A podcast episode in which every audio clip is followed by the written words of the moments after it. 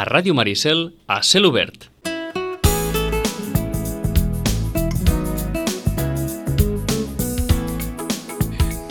Ara no sé si recordo bé l'adjectiu amb el qual l'Aleix Vall ha definit la fibra. Ah, gràcies. És que encara pensava el més contundent. Una porqueria és la fibra. Queda clar? Doncs ja està. I visca el cartró pedra i la cola de conill o la cola de cavall. Vaja, els materials de, de tota la vida. Passem pàgina.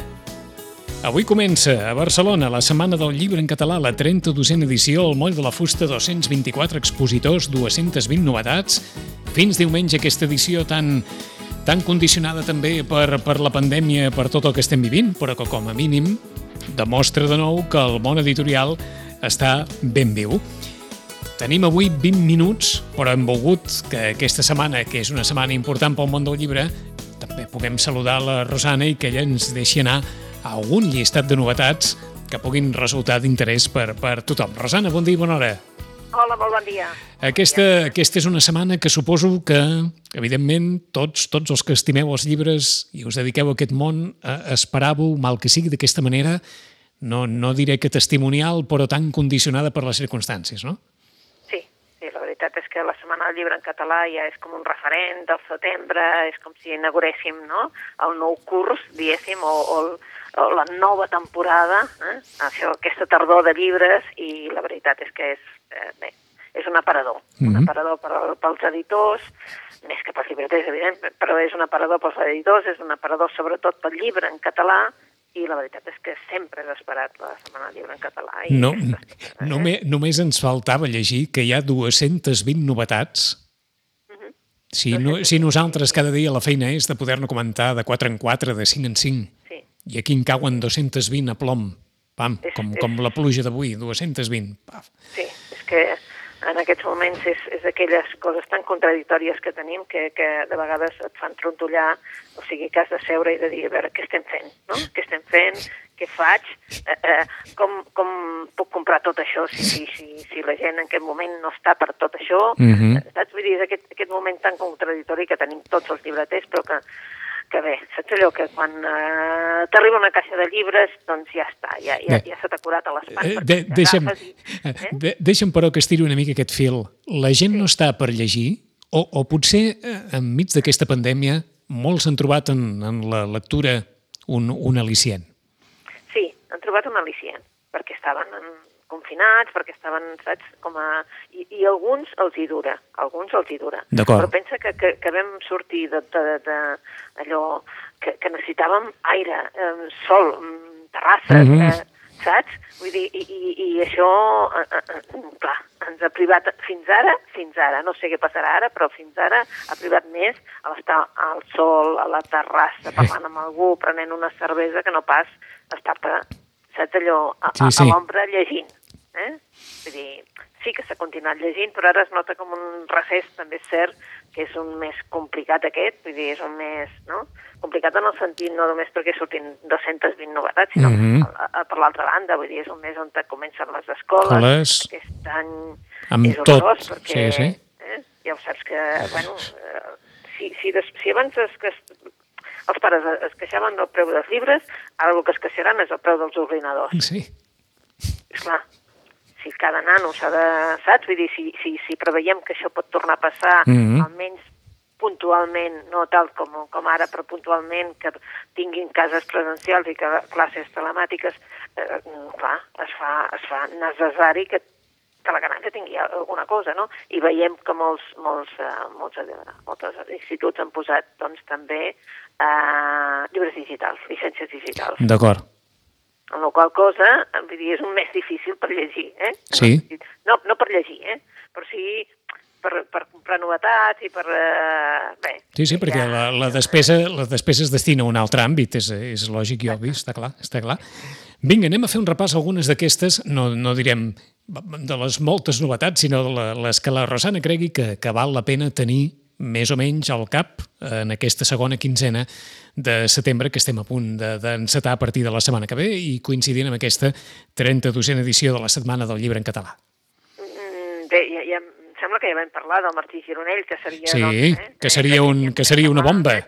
Que seria una bomba. Doncs jo crec que el Martí Gironell, a més a més, està disposat, vull dir, ja, ja, ja estem buscant data perquè vingui aquí a Vilanova, és a dir, ell està disposat a anar pel territori com sempre, sempre ho ha fet, i per tant vol venir-nos a explicar aquesta paraula de jueu després de la Setmana en Llibre en català, a veure mm, si ens agrada aquesta segona part del pont dels jueus, eh? que és quan el pont dels jueus, precisament el pont uh -huh. de l'1 cau i llavors, doncs, bé, ha de reconstruir-lo. De... Eh? Besalú no haurà tingut millor ambaixador, eh? No, jo crec que no, eh? Perquè, escolta'm, no, perquè, eh?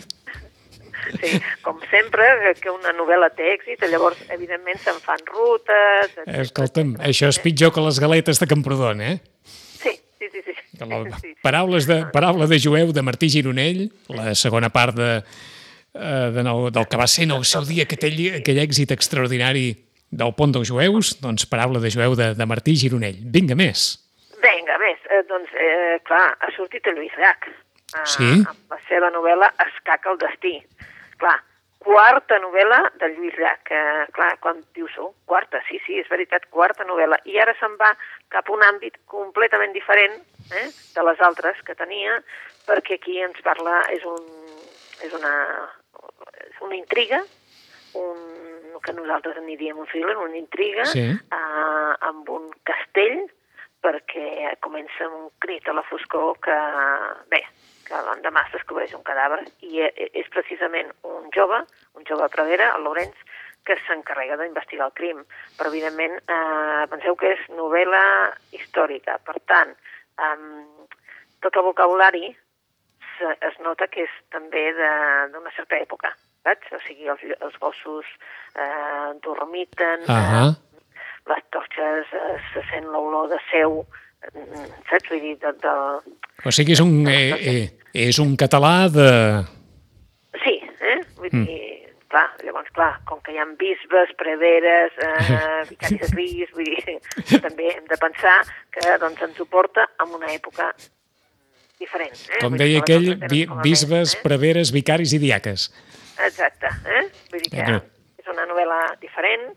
A mi ahir, quan es va parlar d'escoles, ara penso en la primera, si te'n recordes, la primera de, de Lluís Llach... Que va ser un èxit. eh, un èxit terrible que parlava de la Barceloneta, Mhm. eh, de que l'escola, i l'escola es feia a la platja, eh?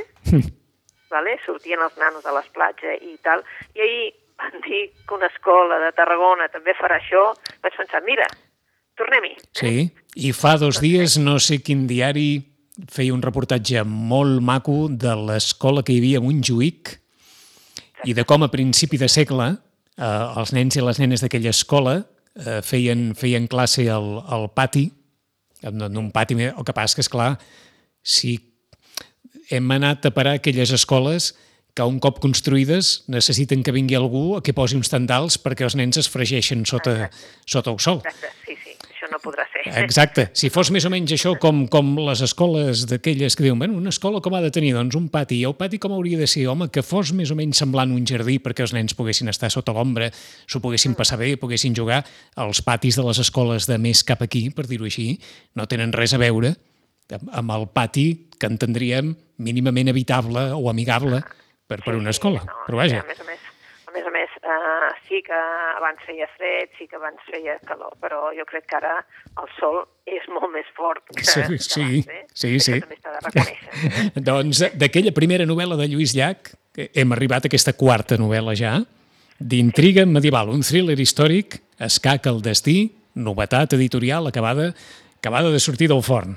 Tercera, Tercera, vinga, una altra. Jordi Sierra i Fabra eh, torna a sortir amb un llibre editat en català que es diu La conspiració del Coltant. I aquesta vegada no ens parla de l'inspector Mascarell, perquè no té res a veure amb les novel·les de l'inspector Mascarell, per això la publica en una altra editorial, l'editorial Univers, eh? uh, i, i la veritat és que és això, doncs un periodista d'investigació que, bé, mm, que la veritat eh, que és la, la Magda Ventura, que té 42 anys, Mhm. i que, bé, també el seu passat també inclou la- l'assassinat de la seva parella poc abans de casar-se. Bueno, és una periodista que ha passat absolutament de tot i ara, bueno, està vivint al límit de les seves possibilitats. Eh? És el primer cas d'aquesta periodista, eh, diguéssim, que també serà investigadora, no? Sí. la Magda Ventura, que s'enfronta amb una investigació i a partir d'aquí suposo que el Jordi Sierra i Fabra ens farà també una altra saga de Magda Ventura. Eh? Eh? No sé quanta... tant, Eh, no sé quina novel·la deu ser ja de Jordi Sierra i Fabra, perquè Ara- si hi ha, si hi ha escriptor prolífic és ell, eh? Sí, totalment, eh? Vull dir, jo crec que no hi ha ningú com ell, eh? Vull dir, eh? Perquè inclús els lectors diuen, però com? Però com, Com l'ha és escrit? possible? Com, Sí, com com, és possible, no? Com és possible? Però la veritat és que té una saga de, de, de lectors que, que el segueixen. Doncs acaba de sortir Editorial Univers, de Jordi Serra i Fabra, La conspiració del Coltant. Magda Ventura, aquesta periodista investigadora, és protagonista del que, ens diu la Rosana, pot ser una nova saga basada en aquest personatge. Seguim. Seguim. Bueno, jo entenia que no eren de, que estan traduïts al català, que per, també es presenten, però que no, no són d'aquí, però si voleu continuem per les que són d'aquí, perquè Sí. també n'hi ha moltes eh, que són sobre el, el futur del català, que això també eh, ens interessa en aquests moments. Eh, el futur del català depèn de tu, de la Carme Junyent, ha sigut també un dels darrers llibres que ha sortit, ha sortit editat per la Campana, Està tenint molt èxit aquest llibre, eh? Sí, sí. La Carme Junyent eh, ja és una filòloga que dintre del món de, del català té, té com si diguéssim un, un prestigi i per tant aquest llibre doncs, era un llibre que, bueno, que la gent li agrada saber exactament eh, eh, com està la situació i realment molta gent diu el futur del català depèn de tu, Mhm. no? Aquest títol és una sentència, eh? És una sentència, sí, sí. I llavors, bueno, mm, per això tu, suposo que també era un llibre Esperat. Ah, esperat, eh? Però esperat, eh? Uh, bé, fa poc, el que passa és que eh, mm, saps què passa? Que també hi ha molts escriptors que fa un mes i pico o dos que, que, han, que han fet uh, el llibre i potser eh, ja no se'n parla, però sí que és veritat que la Teresa Costa Gramunt també ha fet uh, Ah. uh, un altre llibre sobre el català. Uh, ara hauria de dir, perquè no me'n recordo de, de com se deia el, el llibre de, que veig que no es presenta en el, en, en el, en el d'això, en la, A la Fira del Llibre. a la Fira del Llibre Català, però també és un llibre per, per, per llegir que es diu... Uf, uf, uf, uf, també. Està buscant la Rosana i jo també. Eh? Perdoneu, perquè... Perdonada. Uh, De sortirà, de Teresa Costa Gramunt. Propera, molt propera a, a, a nosaltres, no cal ni dir-ho. uh, bueno, doncs ara no trobo el llibre. Uh, veig el llibre, veig la portada i no veig el llibre ara de, de la Teresa Costa. En, en definitiva, um, no sé com se diu ara. Bé. No pateixis. Eh, mm, tot el que podem era... Uh, bueno, doncs res. No sé, és El trobarem, el trobarem i ja ho comentarem. Com sempre, Exacte, apareixerà quan, quan menys t'ho esperis, apareixerà. Mm, Clar, eh, tenim també doncs, que la Núria Prada és l'autor de Tota una vida per recordar, que ens sap greu, perquè tots aquests que han estat premis eh, Sí. de la nit de, de Santa Llúcia no van tenir temps de presentar els seus llibres. Eh? Ha passat, per exemple, amb el David Nelo, que és el, el Premi Sant Jordi, impossible de presentar, vull dir, perquè s'ha de presentar tot telemàticament, i llavors fa que, que això també ens faci molta, molta pena, perquè, esclar, vull dir, dius, bueno, és que d'aquí no res, tornarem a fallar el primer Sant Jordi i, i les incerteses de, de, de, del David Nelo, com aquell qui diu, no ha pogut ser el seu Mhm. trajectori que fa per tot Catalunya, doncs no ha pogut ser.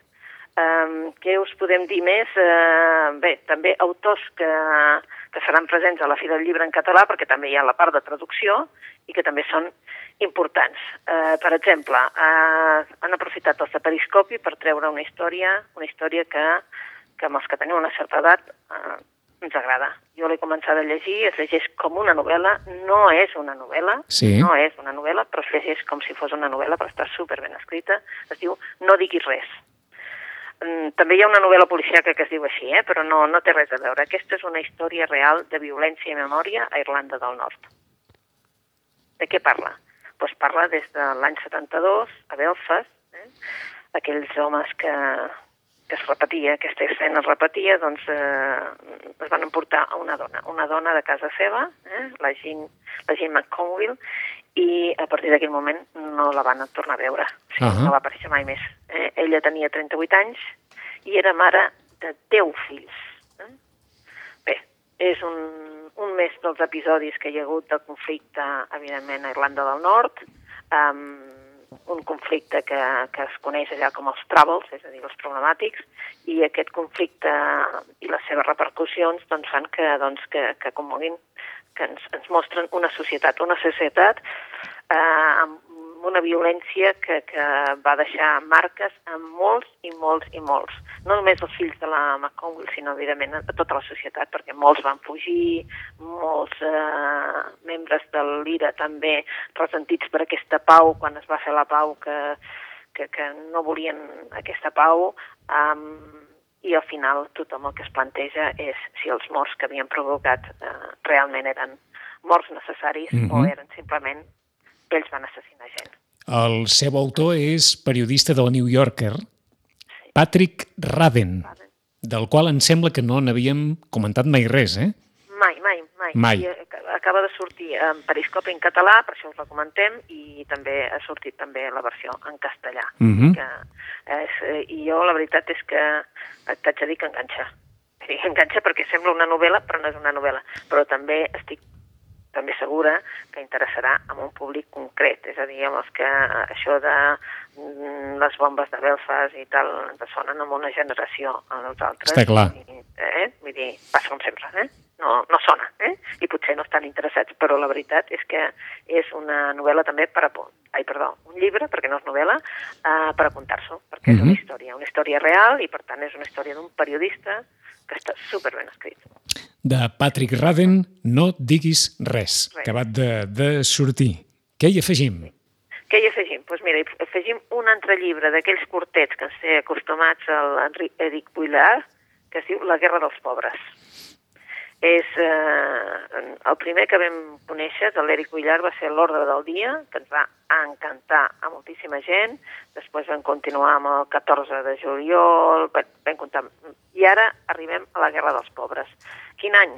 L'any 1524, que eh, els, els camperols se sobleven al sud d'Alemanya. Eh? Llavors, bé, això va passant cap a Suïssa, cap a Alsàcia, i, i bueno, entremig de tots hi ha un, un teòleg que lluita al costat dels insurgents, eh? i es diu Thomas Munzer. Eh?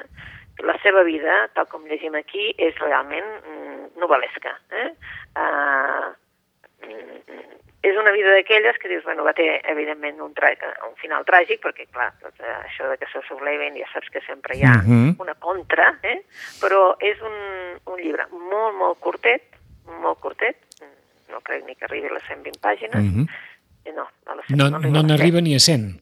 No arriba ni a 100, Ahà. eh? no arriba ni a 100, i eh, una, una obra d'aquestes que ens ha acostumat a l'Eric Buillard, que amb molt poques paraules ens ho explica tot molt bé, sobretot els sentiments. La guerra dels pobres, la història d'un home jove que lluita entre els insurgents i es converteix en un dels seus líders segle XVI sud d'Alemanya. I tenim temps encara, mira, per dues recomanacions més, Rosana. Recomanacions, vinga, doncs se n'anem cap a les muntanyes, se n'anem cap a les muntanyes amb, amb, amb el Pep Coll, que acaba de treure nova novel·la, per dir l'any que va caure la roca, a editorial Proa. Eh, jo crec que el Pep Coll ja és super, super conegut, ja té tot un set de fans que faran que sigui un dels autors, doncs potser un dels venuts a, a la, a la Setmana del Llibre en català. Però jo també us voldria parlar d'un andorrà?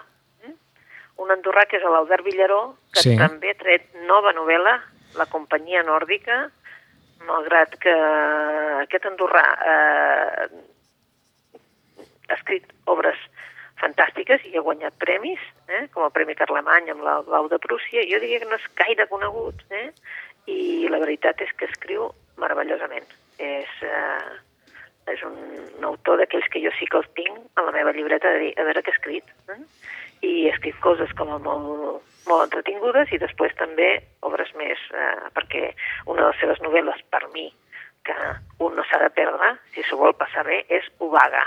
És una de les primeres. Eh? Però ara amb la companyia nòrdica, en aquesta companyia nòrdica, ell ens va cap a, diguem-ne, una novel·la fantàstica, eh? una novel·la fanta eh, fantàstica en el sentit de que l'Albert Villaró, que, que era el 97 era arxiver de la Seu, va rebre d'una viuda un, una col·lecció de, que, que el seu marit era col·leccionista d'antiguitats i va rebre un dietari d'un soldat.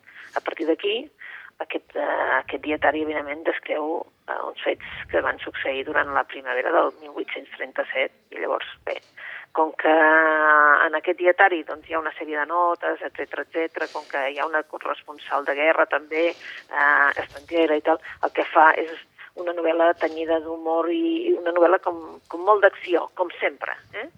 I bé, eh, els obscurs arcans comparteixen escenari també amb, amb tots els altres personatges. Per això us deia que era una novel·la una mica Ahà. fantàstica. Doncs eh? avui hem tingut, fantàstica. avui hem tingut un dia de novel·la històrica, eh?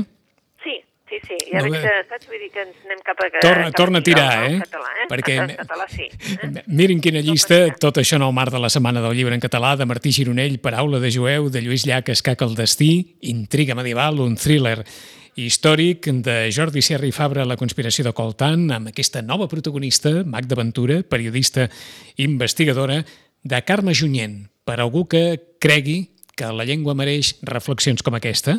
El futur del català depèn de tu, editat per La Campana, tret llibre Teresa Costa Gramunt. Eh, llibres que per Sant Jordi no es van poder presentar, novel·les sensacionals de Núria Prades, de David Nel o Les incerteses. La Rosana ens ha recomanat, de Patrick Radden, No diguis res, història de violència i memòria, a Irlanda del Nord, a inicis dels 70, quan allà la vida era extremadament dura, d'Eric Bullard, La guerra dels pobres, de Pep Coll, L'any que va caure la roca, i d'Albert Villaró, La companyia nòrdica. En 15 dies, quan hagi passat doncs, tota aquesta febrada de la Setmana del Llibre en català, i no sé si que s'hagin pogut més o menys assumir, digerir aquestes 220 novetats, tornarem a saludar la Rosana, que el curs escolar ja haurà començat, i a veure el pa que s'hi dona.